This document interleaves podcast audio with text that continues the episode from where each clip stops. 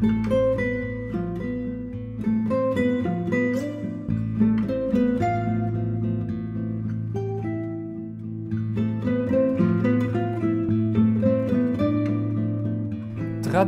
wordt er op of rond 17 september de Slag om Arnhem herdacht.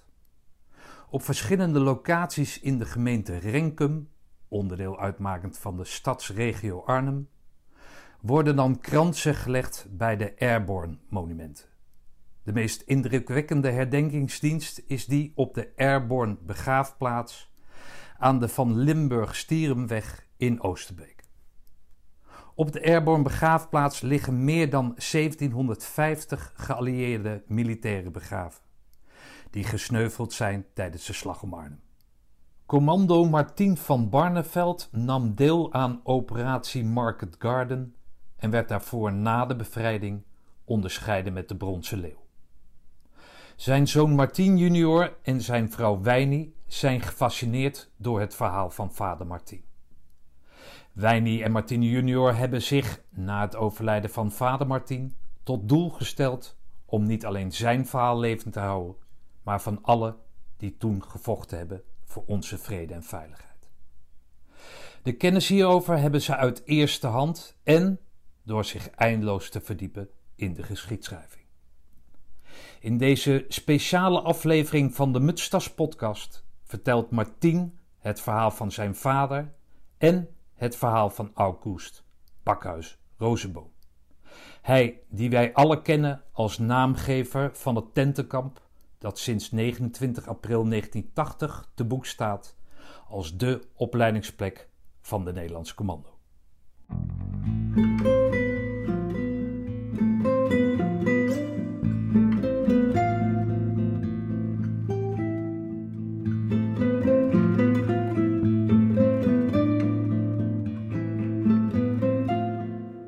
Tijdens operatie Market Garden komen in de regio Arnhem Engelse para's en piloten in grote getalen in actie.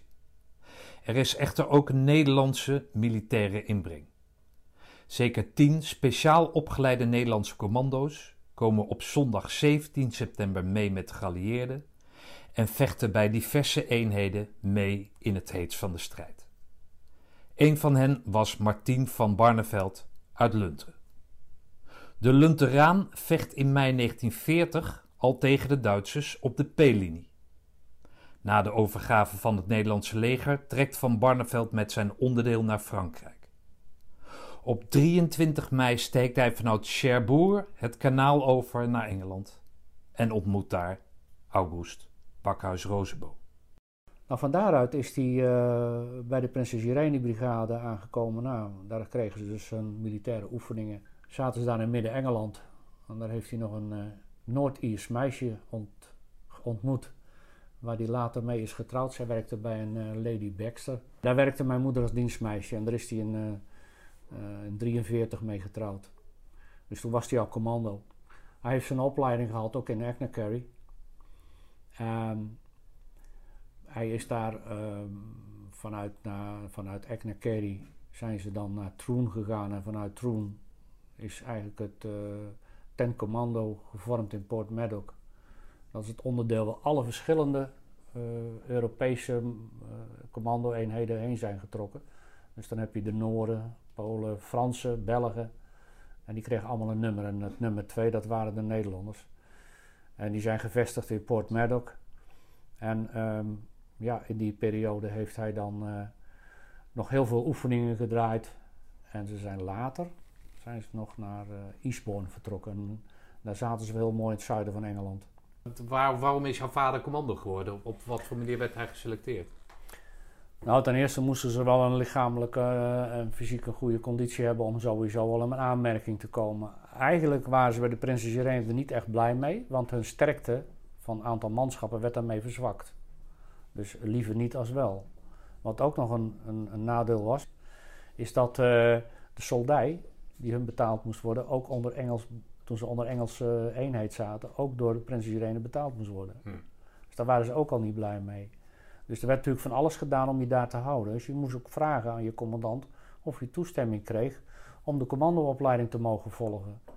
Nou, als je daar dan uiteindelijk toestemming voor kreeg, dus door de skills heen kwam die je moest bezitten, dan uh, kwam je terecht bij een bestaande, zoals de eerste groep is opgeleid, bij een bestaande commando-eenheid.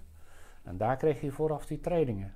Naar mijn idee, zoals ik zijn karaktertrekken ken en zoals ik hem ken uit zijn reacties zoals hij was, is hij iemand geweest die uh, een beetje weer bastig was. Dus eigenlijk uh, het, het, passieve, het wachten. Wanneer kunnen we wat? Je zit in een vreemd land, je wil naar huis. Je, je bent het er niet mee eens wat er in je land gebeurt, dat wil je, dat wil je oplossen. En dat duurde hem schijnbaar een beetje ja, te lang af, of had hij daar geen zin in. Hij wou wat meer actie. Hij wou gewoon, laten we het zo zeggen, goed bewapend ten ijs komen. Hij wou zijn, alles wat hij in zich had ten, ten voordele maken om een strijdlustig iemand te zijn en om ervoor te zorgen dat hij weer naar zijn ouders terug kon komen. Ze heeft wel geleerd van op een gegeven moment je kunt van alles doen, maar het moet wel wat lonen. Dus ik denk dat dat ook wel een van de redenen is geweest dat hij erover nagedacht heeft, wat kan ik nou het beste gaan doen om uh, wat, te gaan, wat te gaan doen, mijn aandeel eraan te gaan leveren. Ik denk dat dat ook wel een van de beweegredenen is dat hij daar bij die commando's terecht kwam. In 1942 maakt Martin senior deel uit van een groep van ruim 40 mannen die in Schotland aan een loodzware training als commando begint. Het trainingskamp wordt later bekend als de Hel van Agnecarry en uiteindelijk worden maar 25 man als commando aangewezen. Waaronder August Bakhuis Rozenboom.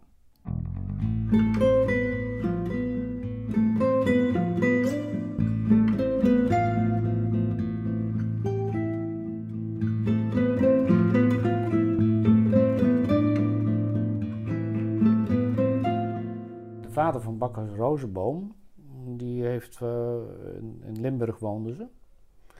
Uh, dat ik ooit gelezen heb, uh, heeft die man zich een beetje in de schulden gewerkt. En hij is op een of andere manier geholpen uit de schulden en is toen, heeft toen besloten om maar te gaan immigreren. Hij is naar Canada geïmmigreerd en als het goed heb is hij daar boer geworden. Kippenboer of varkensboer, dat weet ik niet precies. Uh, Bakkers was nog maar een heel klein, klein manneke. Want uh, in 5, 1925 ging hij al naar Canada. En ze hebben daar, hij heeft daar gewoon de lagere school gevolgd. Maar hij is in Nederland geboren dus? Hij is in Nederland geboren, ja. Okay. Hij is in Canada opgegroeid. Dus hij, hij heeft van zijn jonge leeftijd eigenlijk al het meest van Canada ervaren. Dus voor hem was Nederland een verhaal van zijn moeder, hm. hoe het eruit zag. Zijn vader was uh, vrij streng in de opvoeding. Was een, uh, een redelijk atletisch gebouwde man, dus vrij sterk. En wenste ook uh, dat ze zich volledig naar Canadese een, in, in, inburgering zouden gedragen. Ik denk dat hij een beetje klaar was met Nederland, anders was hij ook niet geëmigreerd. Maar goed, dat is een veronderstelling. Maar hij heeft de lagere school gevolgd. En hij is naar een, een, een, school of art later gegaan. Waaruit zijn vader hem eigenlijk altijd een beetje, ja, een beetje naar beneden gedouwd heeft. Zijn broer, Wim, Bill noemden ze die, die was wat forser. En hij werd altijd een beetje als een, als een mietje bestempeld. Ook in zijn gedrag een mietje. En, uh, en daar werd hij vaak ook met, door zijn vader mee een beetje door vernederd. En uh, in 1942 toen werd hij als dienstplichtig militair opgeroepen. En toen heeft hij dus gezegd tegen zijn ouders: Nou, dat ga ik doen. Zijn vader: Joh, wat denk jij te bereiken, joh? Mietje, je bent maar een mannetje, je bent niks. Ik snap niet waar je aan. Zijn moeder wou het al helemaal niet hebben. Doe het nou niet, probeer eronder uit te komen. Maar hij is waarschijnlijk getriggerd door de, door de vernedering of door het gedrag van zijn vader, door te zeggen van ik zal je tegendeel bewijzen. Terwijl hij eigenlijk een hele artistieke jongen was en hij tekende. Was, een heel, hij was eigenlijk een soort kunstenaar. Dus hij is uh, zijn gaan melden in, um, in, in, 1942. En dat was bij de Prinses Juliana kazerne van Stratford in Toronto. En daar is hij op 22 september 1942 vertrokken. Toen waren de eerste commando's al opgeleid, want die zijn in maart begonnen en in juni, juli. Zo'n beetje. In Engeland? Ja, in Engeland. Ja. Dus de eerste groep commando's waren er eigenlijk al. Dus het onderdeel To Dutch Troep was al bekend. Ja. En die zaten al in Port Maddox. alle in, in, in, in Noord-Amerika wonende Nederlanders, die zijn dus verzameld in Canada om van daaruit verscheept te worden naar Engeland. Maar was het een plicht of was het... Dienstplicht. Ja, ja, oké. Dan komt hij dus terecht bij de Prinses Irene, want die bestaat dan al. Ja.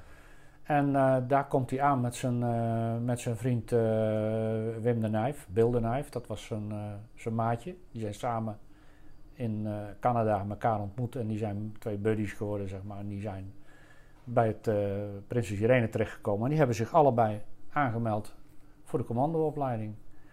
En die zijn dan doorgestuurd naar Port Maddock. Daar hebben ze dan waarschijnlijk een voortraject gehad. En van daaruit met nog meer militairen vanuit de 10 Inter-Allied Commando, dus met Fransen, Belgen, Noorden en zo'n clubje, doorgestuurd naar Egnakerry om daar uh, commando te worden en daarna weer teruggekomen. En, uh, in Egnakerry werden dus ook andere nationaliteiten opgeleid tot commando? Jazeker. Ja, ja, okay. jazeker.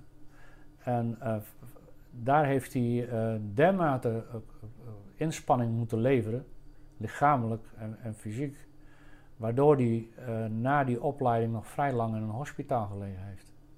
Zijn lichaam heeft hij echt wel een, een, een, klap gegeven, zeg maar. Hij heeft daar, daar, veel lichamelijke klachten van overgehouden. Hm. En uiteindelijk is hij dan toch daar wel weer van hersteld. Maar dat had natuurlijk te maken met zijn, zijn tengerheid natuurlijk en waar zijn vader op doelde. Maar hij heeft dus zoveel wilskracht gehad om dat tegendeel te bewijzen. Dus hij moest en hij zou het halen. Mijn vader en Bakhuis de Rozenboom, die komen elkaar dus tegen in Port Maddock. Mijn vader als al zijnde commando en Bakhuis Rozenboom daar om de commandoopleiding te volgen. En dat heeft hij dus gedaan en die samen met de troep zijn ze dus later naar uh, Eastbourne vertrokken, want dat werd een nieuwe standplaats van Ten Commando. Daar hebben ze uh, nou ja, diverse trainingen moeten doen, opleidingen gevolgd. Onder meer werd er heel veel uh, rotsklimmen geoefend. Landingen vanuit het water werden er geoefend. Um, springstoffen, allerlei gevechtshandelingen bleven ze herhalen. Dus uh, er is heel veel geoefend. Dus die jongens hebben daar al die tijd heel veel inspanning geleverd en waren er best wel op gebrand dat als het los zou gaan, dat ze er klaar voor waren. En toen kregen ze te horen in 43 eind 43, jullie gaan naar Brits-India. Ik geloof dat het met de derde commandobrigade zijn ze geloof naar uh, India gestuurd, Brits-India. En daar aangekomen uh, kwam voor hun dus een hele aparte wereld op en af. Want Wat moesten ze wij, daar doen dan? Wij zijn veel meer. Hun zouden daar uh, getraind worden en zouden dus gebruikt worden om ingezet te worden tegen de Japanners. Okay. En waar, dat is me nog niet helemaal, of tenminste heb ik niet helemaal, is mij niet duidelijk. Maar er zijn er dus vijf uitgeloot op een gegeven moment. En die hebben op twee verschillende locaties gevechtshandelingen meegemaakt. En dat werkelijk aan de lijf ook wel ondervonden dat het uh, goed raak was. Okay. Daar is onder meer Rudy Blad nog zwaar gewond geraakt. Of maar het zal voor hun het, um, ja, zij maken natuurlijk die oorlog niet van nabij, maar goed, nee, ze zijn klopt. afhankelijk van het nieuws dan moet het een teleurstelling zijn geweest dat ze daarheen gingen in plaats van richting Nederland. Ja, want op een gegeven moment uh, krijgen ze te horen dat die day op de plank staat en het gaat gebeuren en hun kunnen daar niet aan deelnemen. Um, daar, is, daar is dan over, over vragen over gesteld en er is door, ik geloof door Linzel, is daar uh, ontheffing gevraagd om weer terug naar Engeland te kunnen gaan, om toch nog deel te kunnen nemen aan het bevrijden van het vasteland. En daar is op een gegeven moment besloten dat, dat, uh, dat ze niet verder ingezet zouden worden en konden ze weer terug. Dus ze hebben na de zoveelste keer het kamp weer kunnen opbreken en zijn per schip weer vertrokken. En uh, daar zijn ze dan in augustus 1944 zijn ze aangekomen in Liverpool. En in Eastbourne aangekomen heeft prins Bernhard ze verzocht om, of Melner verzocht toen ze op een rij stonden, daar is ook een foto van, waarin hij verzoekt om vrijwilligers voor zijn lijfwacht, want we gaan het vasteland op. En ik verkies jullie liever als een ander, als mijn eigen lijfwacht. Om mij te bewaken in het bevrijde gedeelte van Europa. En die mannen hebben zich vrijwillig gemeld. En er zijn er wat die bij het bureau bijzondere opdrachten eigen gemeld hebben. Er zijn er wat die uh, parenopleidingen gekregen hebben om later schijnagent gedropt te worden. Dus zo zijn er heel wat uitgetrokken om, om een actie te gaan voeren. En mijn vader kreeg te horen dat, dat ze nog twee weken verlof hadden. En na die twee weken moesten ze zich weer melden. Dus hij heeft mijn moeder nog wel kunnen zien of kunnen spreken. Hij heeft mijn moeder uh, nog een afscheidsbrief geschreven, een soort afscheidsbrief, of een brief die je schrijft naar huis van, uh, waarin hij dus omschrijft, er staat een hele grote oefening op de plank. Maar maak je maar geen zorgen, ik kan goed schieten, ik, ik red dat allemaal wel. Zo'n soort indruk heeft hij haar gegeven. En mijn moeder zat toen al in Noord-Ierland, is teruggegaan naar haar ouders. En die hebben daar bij de radio gezeten om te luisteren hoe een uh, inzet op Market Garden was. De operatie Market Garden, na een paar keer afgelast te zijn geweest vanwege weersomstandigheden, ging uiteindelijk door. Market Garden was de actie. Market was het gedeelte beneden de rivieren. En Garden was het gedeelte boven de rivieren. Boven de rivieren zou uitgevoerd worden door de, first, de, de eerste Britse luchtlandingsdivisie. En onder de rivieren eh, door de Amerikanen, Canadezen, Polen, ook gedeelte Engelse tankeenheden. Maar ook parachutisten. En uh, die actie zou dan gedaan worden om zo de rivieren zo snel mogelijk te bezetten. Om dan rechtsaf een beweging te maken naar het Roergebied. Om zo snel mogelijk de industrie van Duitsland stil te leggen. Om zo een klap toe te dienen om te zorgen dat de oorlog wat sneller zou beëindigen. En dan zou de rest uh, wat naar het noorden trok, doortrekken naar het noorden en naar het westen. Om zo Nederland te bevrijden. Maar de hoofdmacht zou rechts afbuigen. Dat heb ik tenminste zo gelezen hoor. En uh, hij heeft toen wel uh, de opmerking geplaatst van als ik toen niet mee had gekund, dan was er wat gebeurd. Dan was ik uit elkaar geploft. Zo gebrand waren ze om, om wat te gaan doen. Nou, daar werden ze dus ingedeeld bij uh, diverse stafonderdelen van uh, General Urquhart. Uh, die onderdelen kregen allemaal een commando toegewezen, zoveel mogelijk.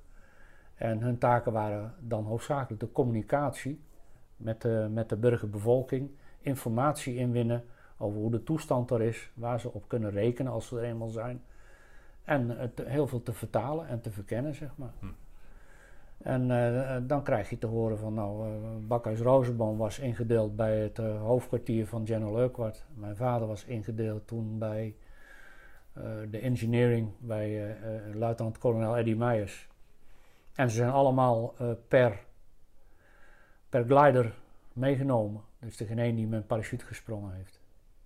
Vanuit de zuidelijke kant, bij Nijmegen, Groesbeek, daar zijn er wel twee geweest die met een parachute zijn geland. Hm. Twee commando's.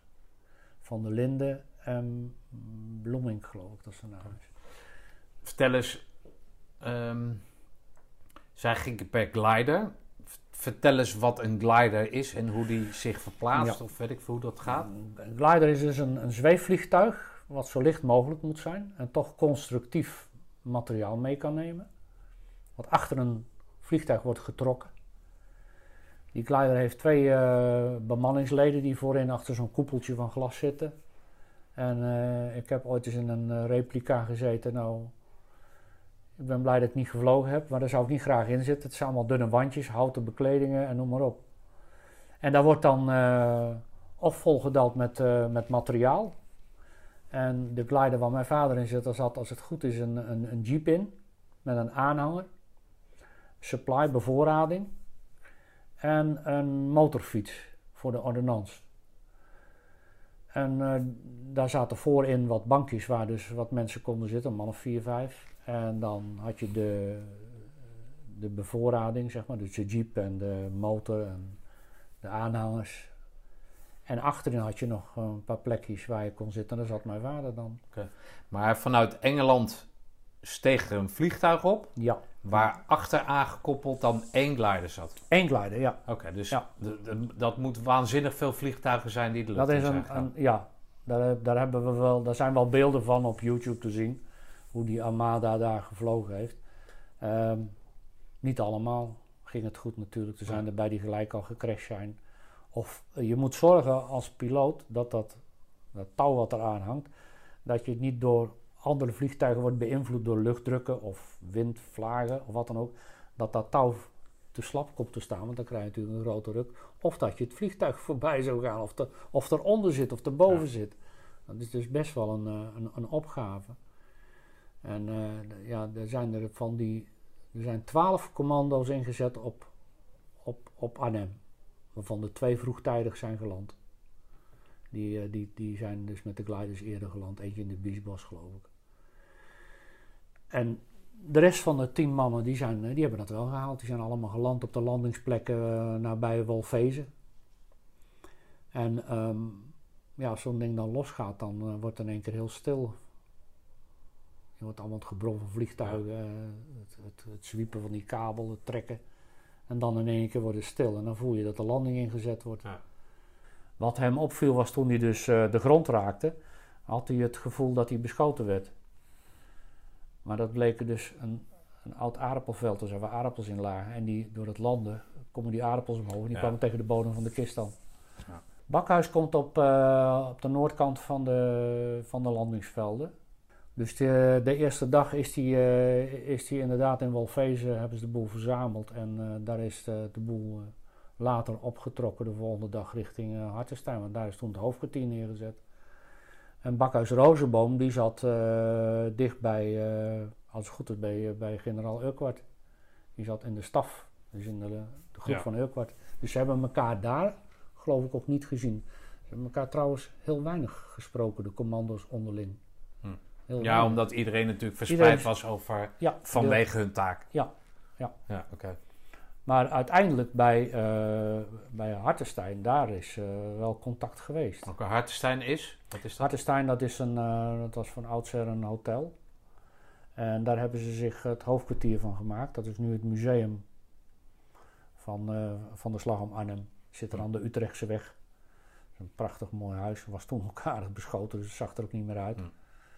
Maar daar hebben ze zich gevestigd, omdat er er was heel veel miscommunicatie en de controle was een beetje kwijt. Urquhart is nog een poosje spoorloos geweest, die is op onderzoek uitgegaan. Uh, zo werden er meer dingen gedaan die, die te voet moesten gedaan worden of per jeep, omdat de radiocommunicatie totaal niet, uh, niet uh, goed verliep. Dus er kon niet goed gecommuniceerd worden. Ja, en die groep van, van Frost die is via de zuidelijke kant gegaan, die hebben al vrij snel de brug kunnen bereiken. Alleen de rest die erachteraan kwam, die werd uh, al gauw afgesneden. Dus Hm. dat, daar kon geen aanvulling meer toekomen. En daar is heel veel op, uh, patrouille opgereden om te kijken, kunnen we er nog doorkomen? Om contact met de brug Ja. te krijgen. Daar, is, daar zijn dan ook commando's voor gebruikt. Onder meer mijn vader is daarvoor gebruikt. En Bakhuis Rozenboom. En dan had je nog het gedeelte naar de Rijn toe om te kijken van wanneer komen de Polen, wanneer kunnen we ze overhalen. Daar werd, daar werd heel veel op gespitst. En daar werden dus uh, commando's bij gebruikt. Als een officier ergens naartoe ging om verhaal te halen, werd er vaak een commando meegenomen. Hm. En een paar Britse para's om uh, die man te beveiligen en om die route te belopen.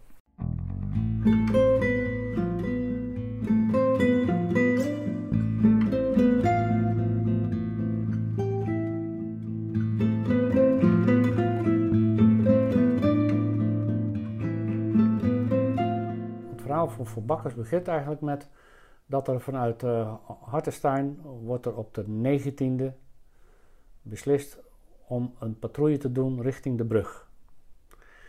Um, daarvoor in die nacht heeft uh, Bakhuis en mijn vader waarschijnlijk van uh, dienstdoende, een dienstdoende commandant gewisseld.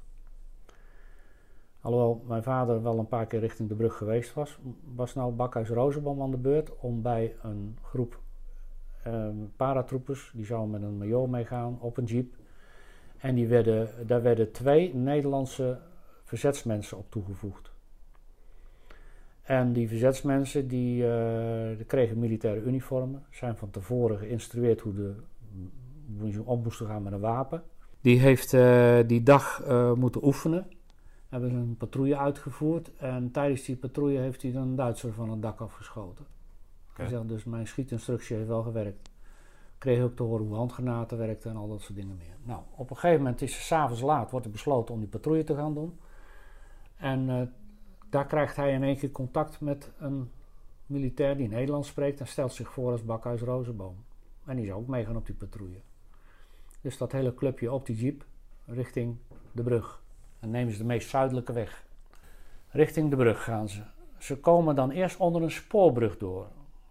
Onder een spoorviaduct.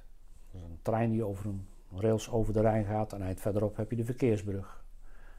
En met dat ze onder die viaduct doorgaan, worden ze al beschoten, links en rechts. Nou, ze zijn er veilig onderdoor. En goed er wel een eind doorgereden hebben in een, naar een flauwe bocht naar links. Links komen ze een tegemoetrijdend voertuig tegen. Maar na het is s'avonds laat, hè? het is donker. Er komen een voertuig tegen. Ze houden dat voertuig aan en het blijkt een Rode Kruisauto te zijn met Duitse militairen erin. Die Rode Kruisauto wordt dan gelijk onderzocht. Door de... En ze vinden in die Rode Kruisauto wapens en munitie. Nou, het hoort eigenlijk niet in een Rode Kruisauto, want daar is hij niet voor bestemd. Dan wordt er, uh, uh, wordt er informatie ingewonnen natuurlijk. En uiteindelijk uh, trekt die major de conclusie, na overleg te hebben met nog wat andere paratroepers, van wij gaan weer terug. We gaan niet verder, het heeft geen zin om verder te gaan. Dus wij keren om. Dan wordt die Rode Kruisauto voorop gezet. Daar wordt een paratrooper ingezet naast die Duitse chauffeur. En daarnaast een man van het verzet. Daarachter de jeep met er ook die man van het verzet, Bakkers Rozenboom en wat paratroopers. Dus de terugtocht wordt hervat. Op een gegeven moment, als ze weer bij het viaduct komen, dus van de andere kant de boel weer benaderen, uh, komt er in ene keer een Duitser tevoorschijn vanuit de zijkant en die houdt die Rode Kruisauto aan. Waarop die major die in die jeep rijdt, de beslissing neemt, dit gaan we dus niet doen. Die passeert die Rode Kruisauto, rijdt over die Duitsers heen die er op de weg staan, de boel aanhielden. En geeft vol gas en gaat onder het viaduct door. En dan begint het. Dan krijgen ze vuur links en rechts. En van de rechterkant ook nog automatisch vuur van een mitrailleur. Waarop Bakkers Rozenboom zich omdraait, met zijn rug tegen de major aan zit. Staat eigenlijk, of op zijn knieën. Schijnbaar heeft hij op zijn knieën gezeten. Die heeft zijn uh, Thompson automatisch wapen bij hem. Die heeft handgranaten. Die begint handgranaten te gooien, links en rechts. En schiet zijn automatisch wapen op de richting waar het vuur van komt. Waarop meneer Beekhuizen in ene keer merkt van... hé, hey, er gaat iets niet goed. Bakkers Rozenboom zakt in elkaar. Hij zit tussen... Meneer Beekhuizen zat voorin. Hij zakt tussen mij en de major in. Maar ja, ze rijden door. En hij voelt wel aan dat het is niet goed. Hij ligt uh, doodstil. En uiteindelijk bij de kerk, het kleine hervormde kerkje, waar uh, ook een Rode Kruispost is ingericht, een verzorgingspost. Daar constateren ze dat Bakkers Rozenboom is, uh, dodelijk getroffen is en dus niet meer leeft. De Duitser die ze bij hen hadden, een van die Duitsers, die heeft onderweg even geschreeuwd. Die is door het gevecht zijn hand kwijtgeraakt. Die hebben ze daar verbonden. Hm. En meegenomen, geloof ik, naar Hartstein om als krijgsgevangene te worden verhoord. Bakhuis Rozenboom hebben ze daar s'nachts neergelegd onder een deken. Hebben ze niet gelijk begraven. De volgende dag uh, is hij uh, in een veldgraf begraven. Met uh, aanwezig was mijn vader, de toenmalige luitenant Knottenbelt en een geestelijke. Die hebben hem de laatste eer bewezen en die hebben hem daar in een veldgraf neergelegd. En als het goed is, heeft daar een, een, een, een, een bord op gestaan, of een kruis op gestaan. Met zijn uh, registratienummer en zijn, en zijn naam. En daar heeft hij dan eigenlijk al die tijd gelegen. Tot, tot in 1945, in augustus, als de boel eindelijk op gang komt, om al die lijken die er overal verspreid liggen te gaan begraven op een centrale plaats. En dat is de Airborne begraafplaats in Oosterbeek. En daar is hij, als ik het goed heb, kan herinneren, op 8 augustus uh, begraven. En, en het, uh, het, vreemde wil dat op dat papier waar, dus, waar hij dus op vermeld wordt, dat daar niet meer zijn naam op staat. Dat is een onbekende. Hij, is daar begraven als een onbekende Canadese soldaat. Dus dat bordje wat in instantie op zijn eerste graf staat, dat is vergaan. Waardoor nou, ze dus niet meer kunnen traceren precies wie dat is. En... De, de, de, de reden waarom dat bord er niet meer op staat, weet ik niet.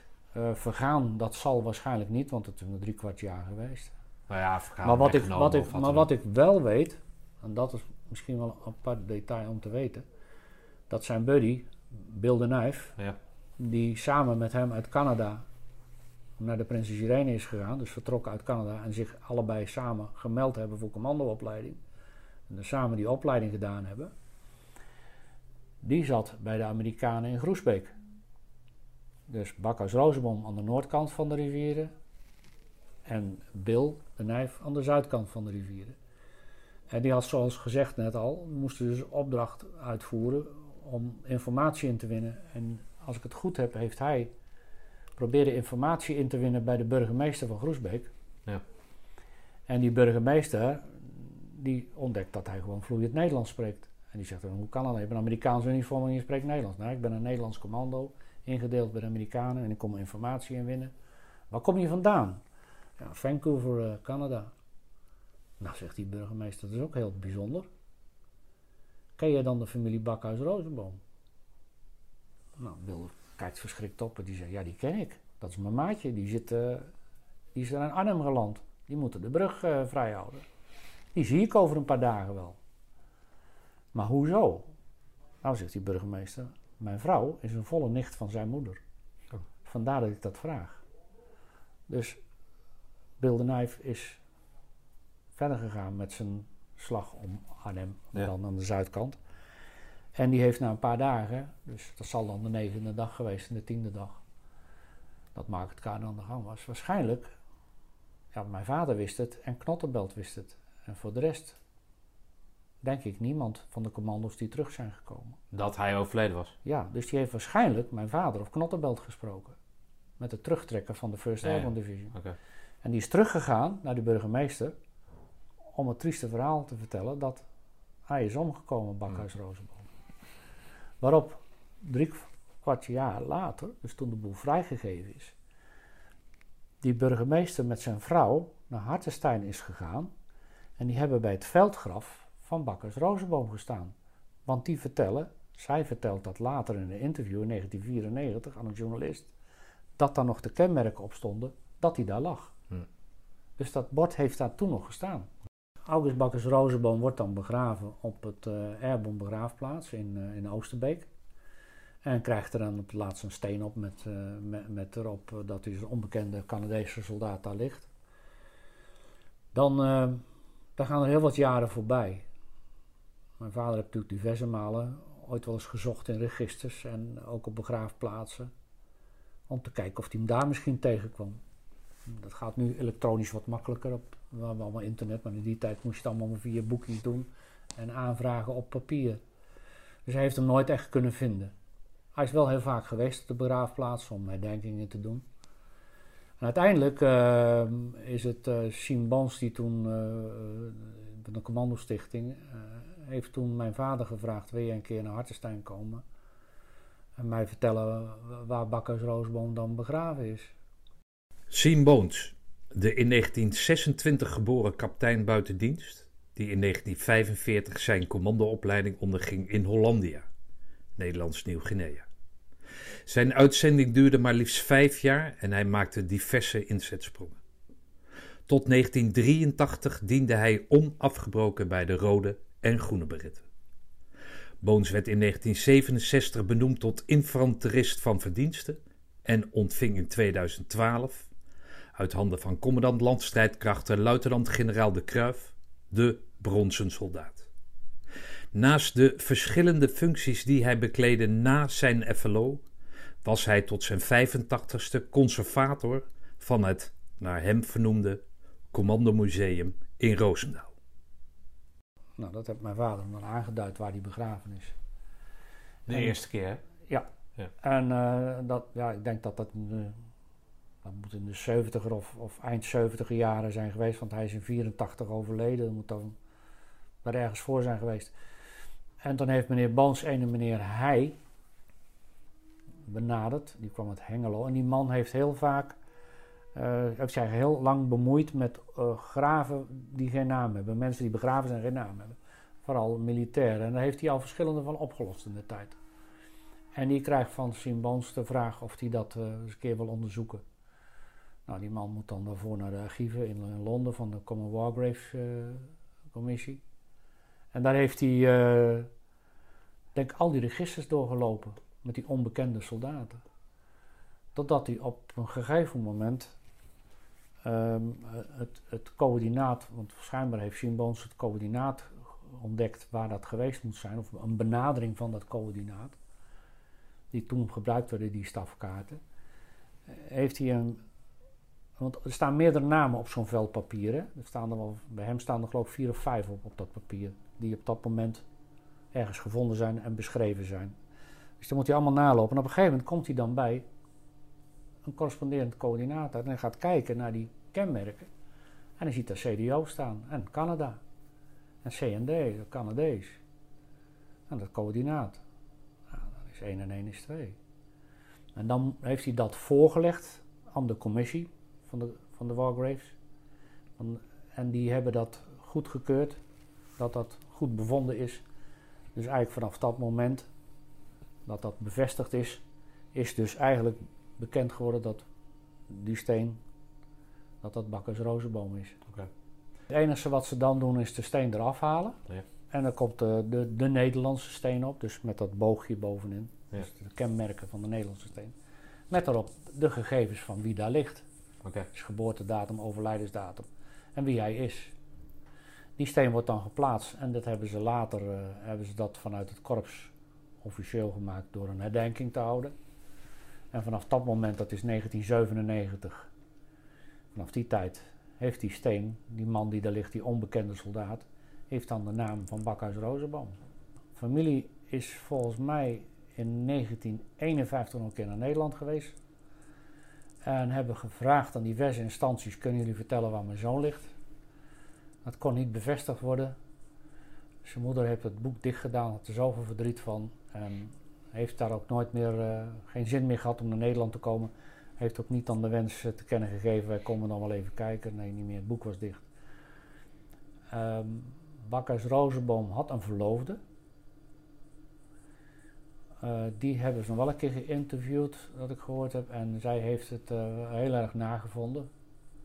Heeft er ook veel verdriet van. Ehm, maar is later een relatie aangegaan met zijn broer. En eh, zijn, zijn broer heeft nog bij het Nederlands leger gezeten als piloot in de Pacific. Mijn vader heeft diverse malen als ze van het korps gesprongen zijn op de Ginkelshaai en eh, naar het eh, kerkhof liep en hebben kransen en bloemen gelegd. Dan eh, werd mijn vader vaak uitgenodigd vanuit Roosendaal om aan die kranslegging mee te doen. Dus hij heeft daar wel een krans gelegd, maar gewoon bij het algemeen monument. Eh, wetende dat hij daar ergens ligt. Maar mijn vader is in 84 overleden, dus heeft dat niet Dat meegemaakt. ja. En eh, ik, ik heb toen met mijn, met mijn vrouw toen het erover gehad en hebben gezegd van... Uit, uit eer van mijn vader, omdat hij er meestal heen ging als hij kon en dat ook vaak gedaan heeft, gaan wij gewoon ieder jaar eraan herdenken. En wij zijn in het, eh, in het begin, ja, nadat mijn vader in 84 is overleden, er bij praktisch ieder jaar naartoe gegaan. En ieder jaar hebben wij plaatsgenomen een beetje achterin de rij. Want het wordt op de, dichtst bij de 17e september dat weekend worden de herdenkingen gedaan. Vanuit het, eh het, het korps commandotroepen of eh, later de vereniging eh, Gelderland. Ja. Commandovereniging Gelderland. Die hebben later dan gezegd van wij gaan de 19e op de plek, de dag dat hij omkwam, daar een herdenking houden. En er werd ook vaak korpscommandant of een delegatie uitgenodigd. Dus er is eigenlijk ieder jaar een herdenking. En het, de laatste twee jaar geloof ik, of drie jaar, ja, een paar keer stilgevallen in verband met corona, werd dan een select gezelschap uitgenodigd, ver uit elkaar zittend. Maar bij de officiële herdenkingen, en dat, dat waardeer ik wel, is eh, dat ze van het korps met het vaandel nu komen. En dat als eh, kan de korpscommandant er ook aanwezig is, op de zondag dat de officiële herdenking gehouden wordt met alle airborne troepers. Hm. En eh, dat is wel een heel plechtig gebeuren. Maar in het begin toen we daar zaten, zaten wij altijd een beetje achterin, niet wetende dat die steen waar we vlakbij zaten, waar die unknown, unknown to God Canadian Soldier lag, dat dat Bakhuis Rozenboom was, dat later die steen kreeg. En daar hebben wij dan in ieder geval nog met eh oud-commando's die daar gestreden hebben, nog kunnen herdenken, zeg maar, erbij aanwezig kunnen zijn. Oké. Ja, en wat ik dan nog wel eens doe, ik, ik, ik, moet nog fit blijven, dus ik moet zo af en toe wel een stukjes gaan wandelen. En dan heb ik nog wel eens de neiging om een rugzakje te pakken en mijn wandelstokje. En dan loop ik vanaf Lunteren naar Oosterbeek. En dan kom ik over die landingsvelden. En ehm, daar groeien een soort magrietjes op. In die tijd dat ik dan aan het trainen ben. Voor de Vierdaagse doe ik dat meestal. En ik had dit jaar beloofd om mijn kleinzoon uh, te helpen met de Vierdaagse lopen. Dat wou hij graag. Dat heeft vanwege de corona lang moeten stil blijven liggen. Ondertussen een zware hartoperatie gehad, weer getraind. Dus dat moet gaan lukken nu. En met hem besloten dat we daarheen zouden lopen. En dan gaan we gelijk langs het graf van Bakkers Rozenboom. En dan hebben we een behoorlijk stuk op en hebben een mooie training gehad. Nou, hebben we die toch gedaan. Komen we op de landingsvelden, zie je daar die bloemetjes bloeien. Dus ik zeg tegen hem, wat ik meestal doe, zei hij, want ik ben heel vaak alleen geweest, dan pluk ik een paar van die bloemetjes. En wat er een stuk wc-papier bij je, en water en een plastic zakje. Doe ik een beetje wc-papier in die bloemetjes heen, doe ik water in deppen, dat ze goed nat zijn plastic zakje eromheen in, doe ik in mijn rugzak aan de zijkant steken. En dan loop ik door naar het graf van Bakkers Rozenboom, leg ze daar neer. Mag jij er straks neerleggen? Dus ik ben die bloemetjes aan het plukken en hij zegt, uh, opa, daar komt iemand aan.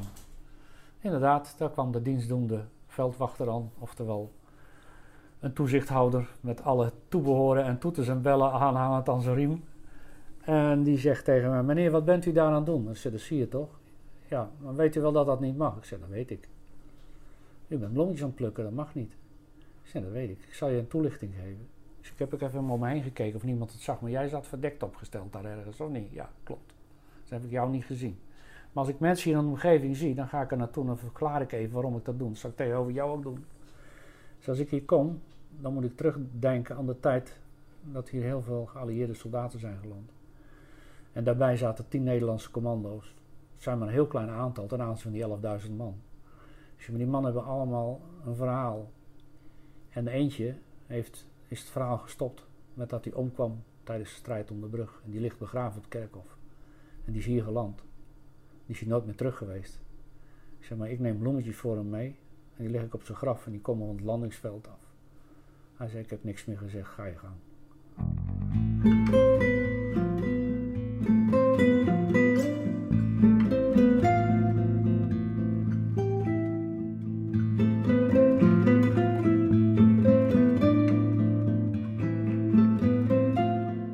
Het verhaal van Bakhuis Rozenboom enigszins vloeiend weer te geven, is het verhaal van commando-sergeant van Barneveld niet geheel verteld. Hoe is het de vader van Martien vergaan na de slag om Arnhem? Nou, na de slag om Arnhem is mijn vader met de 1st Airborne Division teruggegaan naar Engeland. Dan heeft zich daar weer gemeld op zijn onderdeel. En daar is hij uh, verhoord door uh, Linzel, toenmalig commandant. En van daaruit is hij op, uh, op, cursussen gestuurd en is hij al snel bevorderd tot sergeant.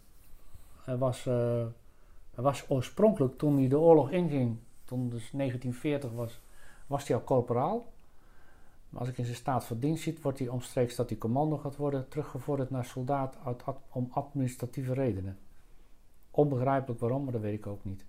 Dus dat heeft me wel weer wat centjes gekost natuurlijk. Maar uiteindelijk is hij uh, opgeleid tot sergeant. En um, dan praat je over november 1944. Dan is uit bevrijd Zuid-Nederland. Hebben al diverse uh, commando's. Al een, beetje de mensen laten zien van wat ze zijn. En verteld wie commando's zijn. En er zijn er heel veel jonge mannen die zeggen van... Het is nog niet afgelopen. Wij willen als vrijwilliger daaraan deelnemen. We willen zorgen dat het snel afgelopen is. Eigenlijk dezelfde insteek als dat hun hadden toen ze in Engeland zaten. We willen er wat aan doen.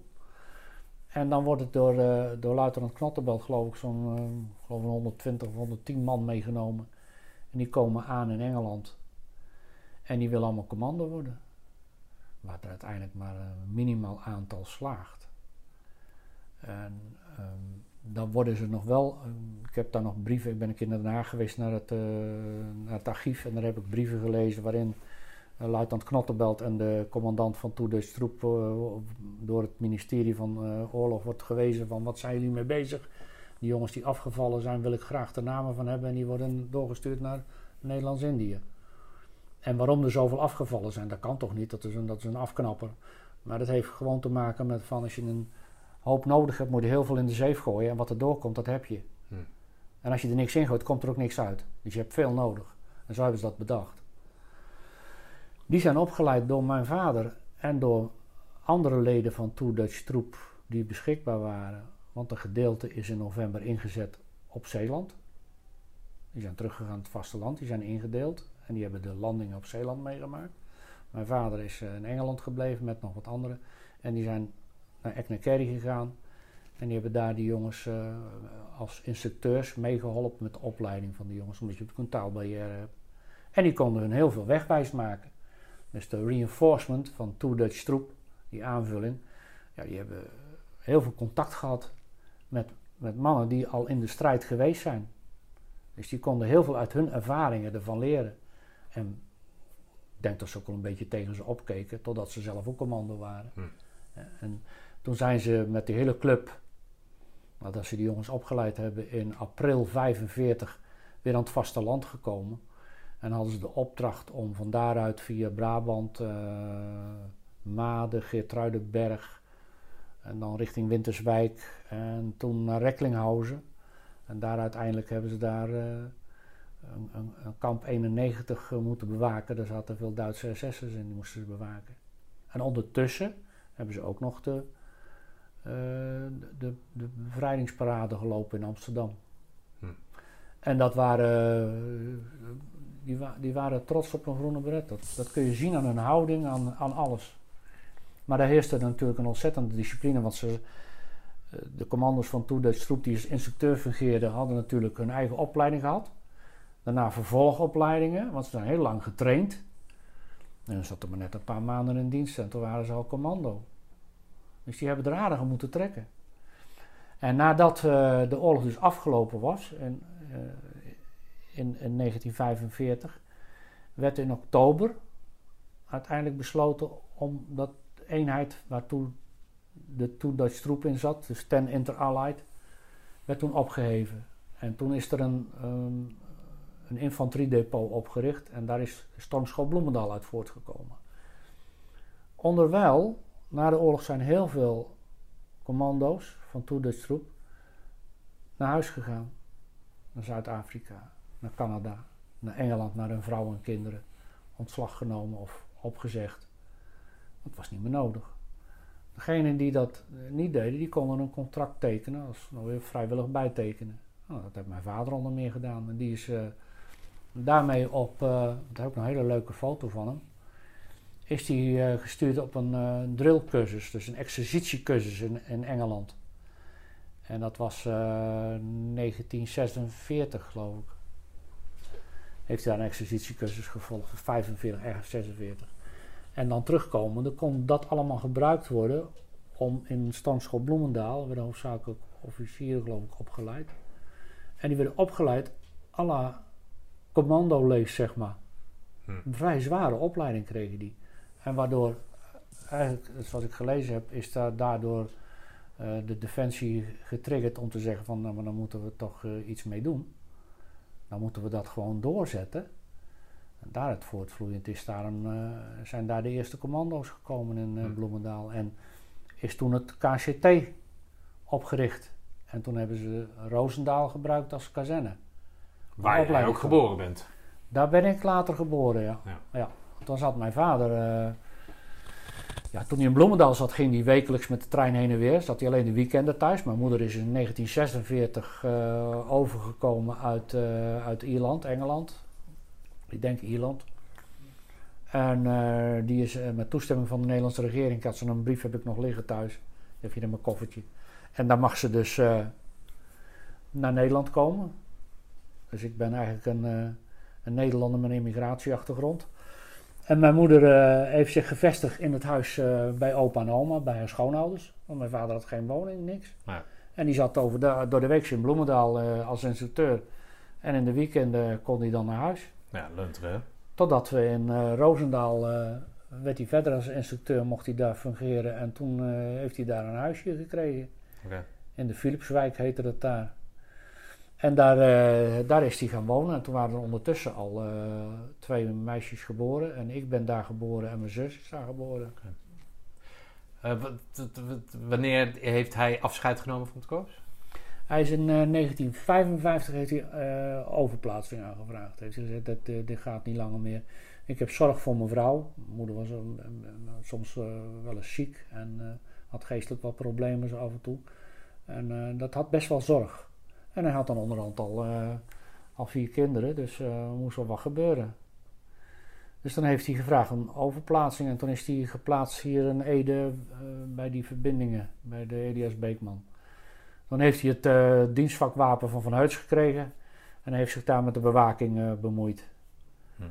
En van daaruit, en toen woonden we nog steeds in Lunteren, zijn we weer in Lunteren gaan wonen. En van daaruit is hij overgeplaatst naar de generaal-major Kootkazerne. Dat was toen de Witteberg op, eh, op de Veluwe, bij Stroegengarderen. Hm. En daar zijn we ook naartoe verhuisd. Dat was in de zestiger jaren. Ja, daar gingen we zo'n beetje naar, eh, naar de middelbare school. En eh, daar zat je wel een beetje afgelegen in het bos hoor. Ja, dat zal best. was niet veel. Nee, dat zal Dus best. je moest je brommetje veel rijden. En toen ben ik veel naar Lunteren gegaan. Toen heb ik mijn vrouw hier ontmoet. Dus toen ben ik zo langzamerhand ook eens gaan nadenken. Dat was leuk. En je hetzelfde meemaken als je vader. Ja. Ja, En eh, Maar wanneer is je vader met FLO gegaan dan? in eh, 1975, Oké. als ik het goed heb. 1975. Hij had dan wat tropenjaren natuurlijk. En eh, als het goed heb is het 1975. Is hij, eh, is hij met FLO gegaan. Oké.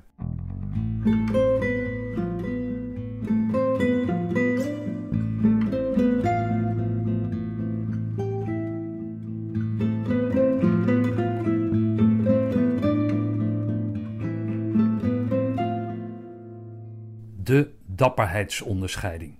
In 1945 heeft hij eh, de, het Bronzen Kruis eh, opgespeld gekregen. Een, een, een, een brief erbij van eh, de krijgsverrichtingen vanwege Arnhem. Er werd een eh, het Bronzen Kruis verleend. Het leven ging gewoon door. Hij heeft dat ding gedragen en hij heeft de oorlogsherinneringskruis heeft hij gekregen met de gespen erop. Van de acties waar ze zijn geweest. Heeft hij meegekregen. En eh, dat werd door de burgemeester uitgereikt, dat ik het goed heb. En in 1949 kreeg hij een eh, verzoek om eh, verslag te doen bij een commissie van dapperheidsonderscheidingen. En daar heeft hij, is hij zeggen, geïnterviewd, daar heeft hij zijn verhaal verteld. En dat is letterlijk en figuurlijk zo genotuleerd. En dat is uitgetypt. En dat heb ik, ja, ik geloof een jaar of tien terug of zo, een keer uit het archief gehaald. Want je krijgt, eh, hij kreeg, daarna kreeg hij een eh, schrijven namens Hare Majesteit de Koningin eh, verlenen wij u hierbij bronzen leeuw. Het bronzen kruis wordt ingetrokken. U krijgt daarvoor de bronzen leeuw vanwege de verrichtingen die u verricht hebt in 1944, de slag om Arnhem. De bronzen leeuw, even voor de duidelijkheid, is een hogere onderscheiding dan het dap- bronzen kruis. een dapperheidsonderscheiding. En daarboven staat nog de MWO, de Militaire Willemsorde. Ja, oké. Die staat daarboven nog. Eh, Was je daar trots op? Eh, ik, ik, ja, hij, hij, hij, was hij was niet trots op de verrichtingen die gebeurd zijn. Want het nadeel is, als je zo'n ondapperheidsonderscheiding draagt, dan wordt gevraagd: hé, hey, je hebt een eh, bronzen leeuw. Ja, ik heb Slag om Arnhem meegemaakt. Oh, dat was een verloren slag. Eigenlijk toch een beetje een domper op de zaak aan de ene kant. Aan de andere kant, je hebt heel veel gedaan om te redden wat er te redden is. Hij, hij, eh, hij, wa- hij, was, hij was trots op het militair zijn. Hm. Als er wat was, eh, eh, waardoor, laat zeggen, ehm, een, een Nederland in het, een beetje in het verval zou raken, weet je, van die crisissen tussendoor.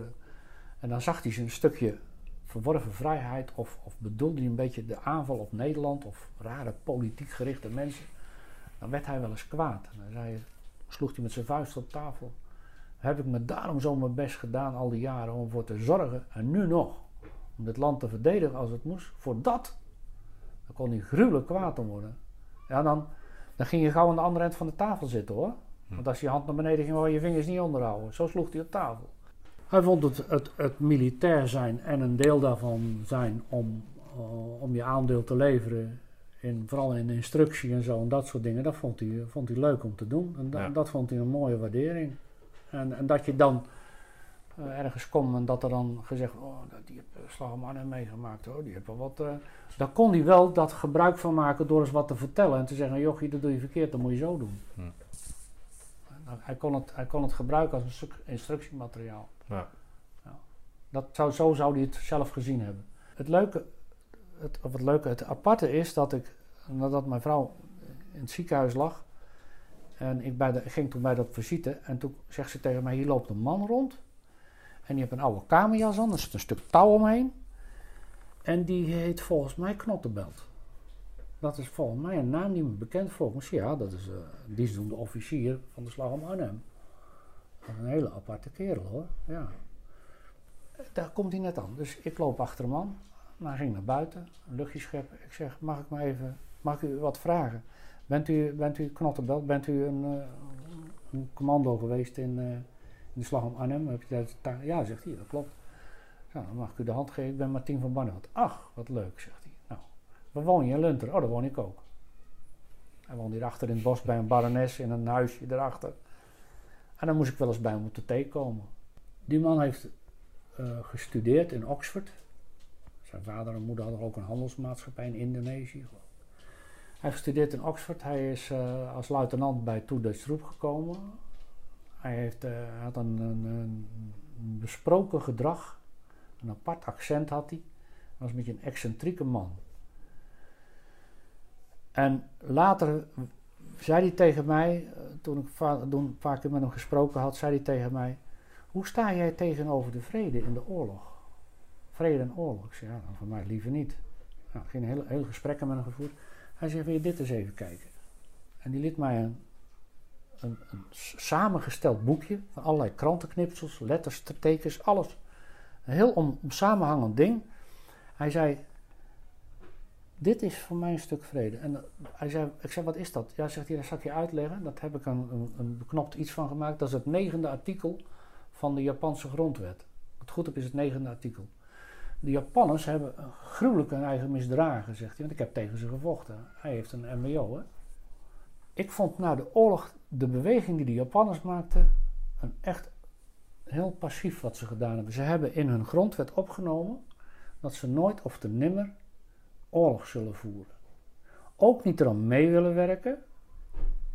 Gewoon niet meer doen. Klaar. En hij zegt, en ik probeer daar, hij probeert te corresponderen met het secretariaat van de keizer van Japan, om daarmee een algehele beweging te krijgen in de wereld dat iedereen dat, in, dat artikel op zich zou nemen, zodat we meer vrede zouden hebben. Want dan kun je gaan roepen op dat artikel. Bijzonder. Ja, zeker. Bijzondere man. Ja. Hij, uh, hij heeft diverse onderscheidingen. Hij is als major, hij heeft heel lang heeft niet meer gediend, maar hij, de titel gaat gewoon door en zijn bevordering ook. Hij is als major dan uh, met, met, met uh, de dienst uitgegaan, dan zeg maar. En hij heeft hier heel vredig gewoond in ons dorp. En we hebben hem eens een keer meegenomen naar de Ginkelse Hei, dat was toen die herdenking. Hij belt mij op. Is jouw vrouw heel goed in verstelwerk en handwerk? Ik ja, die is heel wil je dan even hier komen en even mijn medaille ophalen? Want ik moet dat ding morgen dragen. En hij is van het lintje gesodemieterd, zegt hij. Toen moest hij die MWO weer aan dat lintje maken. En deed alleen die MWO op, meer niet. Ja. En dat was het. In de Rijnhal. Ja. Werd hij geïnterviewd door een journaliste. Zo'n microfoon met zo'n dode kat erop. ik ging die onder zijn neus. Ik zie dat u een hele onderscheiding hebt, hele hoge. Waar heeft u die aan verdiend? Nou, toen zei hij tegen haar, dat gaat jou eigenlijk helemaal niks van. Maar ik ben, ik ben uitgekozen om deze te dragen. Hij zegt op een gegeven moment, en nu kunt u wel gaan. Ja. Gaat u maar, zegt hij. Ik zeg verder niks meer. Hij zegt tegen mij, kom, we gaan naar die tent, daar verkopen ze wijn. Ik ga een fles wijn kopen, die ga ik aan een Pool geven. Als er één was die goede rugdekking gaf, was het een Pool, zei hij. Hm. Heb ik zeer gewaardeerd, die mensen. En die hebben heel veel moeten lijden, zegt hij. Geweldige man.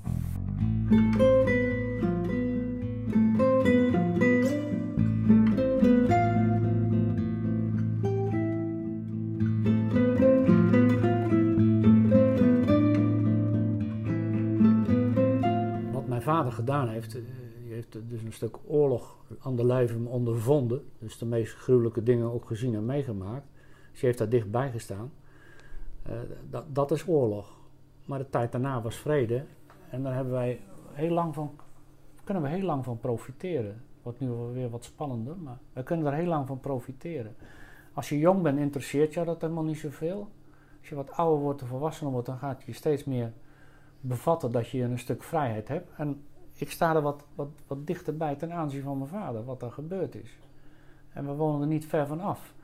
En wij maken mee wat, wat mensen beroert als ze daar zijn. We hebben heel veel veteranen leren kennen. Ze zijn allemaal ons allen ontvallen. En als je die verhalen dan hoort, dan waardeer je steeds meer wat je zelf nog hebt. Dan waardeer je hetgeen wat je nu hebt en dat je er eigenlijk heel rijk mee bent. Maar heel gauw vergeten bent. Heel gauw vergeten bent. En het, omdat wij zo dichtbij wonen, worden wij er steeds wat sneller mee geconfronteerd. Je leest de krant, oh, maak het kader is weer aan de gang. Word je eigenlijk weer een beetje meegetrokken.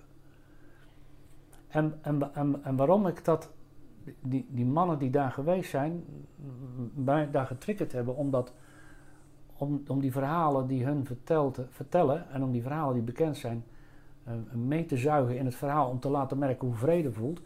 Dan zal ik je één verhaal vertellen van een paratrooper die wij daar ontmoetten in bij onze eerste keren dat wij aan de herdenkingen deelnamen. Les en zijn vrouw zaten in een dorpshuis in Elde. Wij komen daar binnen. Ik had allerlei uitnodigingen gekregen. Dat was 1994. Zoveel jaren denk ik, sla maar hem. Overal kon je terecht. Ik kon niet overal zijn. Ik heb me voorgesteld bij een gemeente en gezegd van... Mijn vader is eigenlijk een oorlogsveteraan. Hij leeft niet meer. Uit naam van hem wil ik graag wat veteranen ontmoeten. Kunt u, kunt u me helpen om daar binnen te komen? Nou, ik kreeg allerlei uitnodigingen. Dus we komen in dat dorpshuis en dan kon je cake en koffie halen.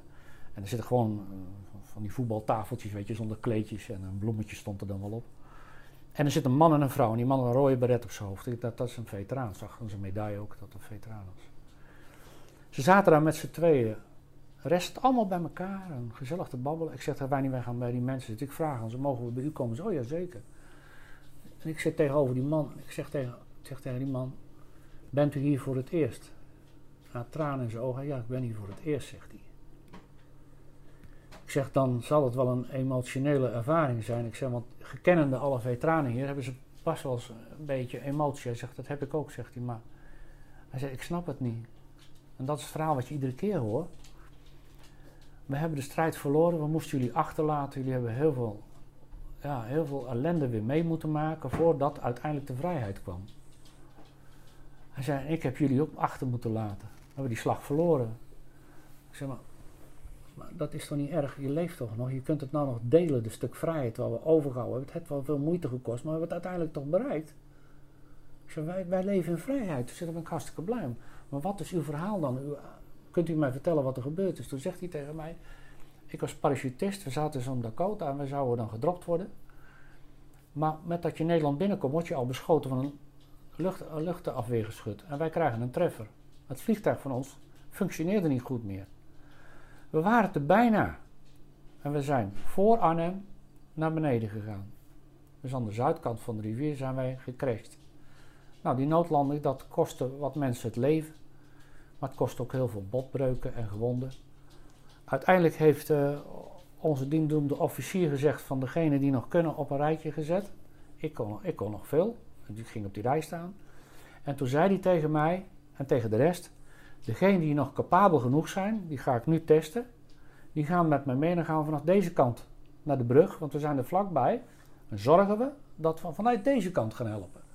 Dus degenen die nog het geweer kunnen laden, als ik dat vraag, die gaan mee. Mijn vingers waren gebroken. Dus ik heb staan janken en vechten om die grendel over te halen. En ik kreeg het niet voor elkaar.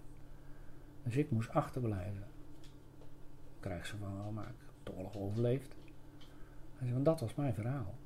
Ik heb, dat was mijn verhaal, jullie achterlaten. Nou, als je dan dat meeneemt, dan realiseer je dat die man een hele emotionele ervaring meegemaakt. Maar voor ons, als je het verhaal ook emotioneel meegezogen wordt. En dan uiteindelijk de conclusie moet trekken. Jongens, wees blij dat het achter de rug is. En dan kun je je voorstellen dat ze het zo gauw mogelijk willen vergeten. En wij opgegroeid zijn net na de oorlog ah, daar moet je niet over hebben, we moeten opbouwen. Hm. En heel langzaam komt dat weer terug. Dus het stuk vrijheid wat je hebt is ook heel lang eigenlijk verzwegen in je opvoeding van, moet je niet over hebben. Laat dat maar, dat is al voorbij. Dus jij zegt dat je, omdat dat dus weggepoetst wordt, omdat er belangrijkere dingen zijn, het opbouw, opbouw van het land, dat jullie ten doel hebben gesteld om die geschiedenis levend te houden. Ja, zeker.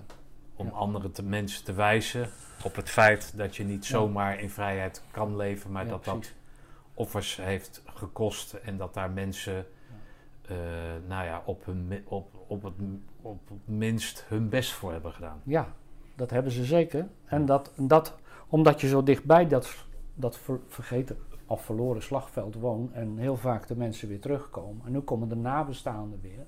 Ja. Deel je dat samen en versterkt alleen maar het gevoel van we, hebben samen, we kunnen samen iets delen wat, wat ons heel dierbaar is. Dat zijn onze ouders, onze vader. Hè, en de mensen die al overleden zijn, de mensen die we kennen. En dat, dat geeft een stuk verbondenheid. En dan kun je dus zeggen van nou, ik leef nog steeds in vrijheid. Hm. Het is me een hele hoop waard. Dan zijn die verhalen wel heel schril contrast met vrijheid. Maar als je dat niet hebt, weet je ook niet wat vrijheid is.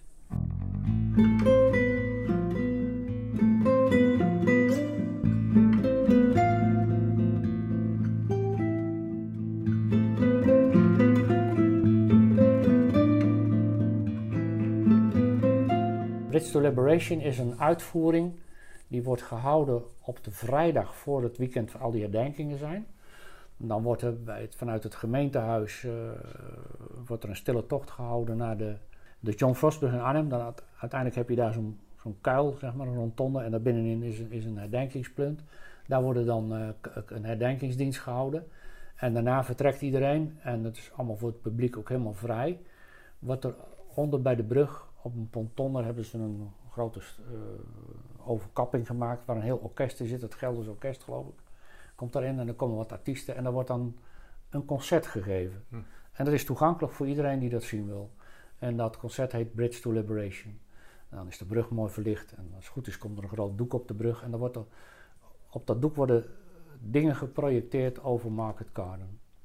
Nou, hebben ze mij onder meer benaderd, zoals wat andere mensen ook, om een verhaal kunnen vertellen uit onze bewoording, wat Market Garden voor ons betekende.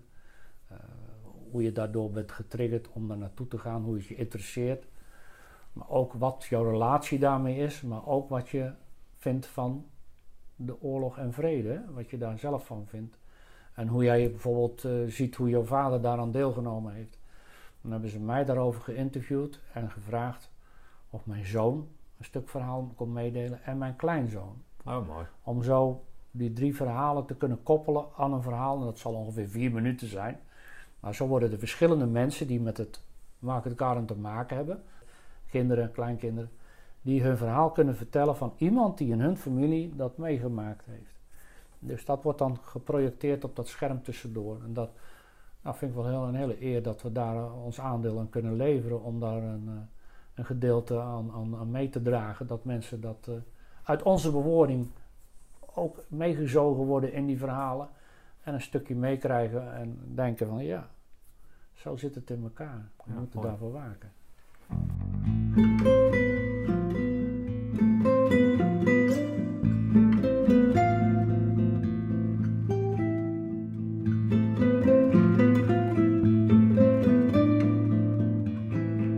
Nou, dat was hem dan. Ik wil Wijnie en Martien hartelijk danken voor het delen van het verhaal. Ik heb in deze podcast gebruik gemaakt van een tekst, overgenomen van 75jaarvrijheid.nl en de eerste 17 seconden van het nummer Sarah van Herman van Veen. Voor alle informatie rondom de genoemde herdenkingen ga naar airborne herdenkingen.nl.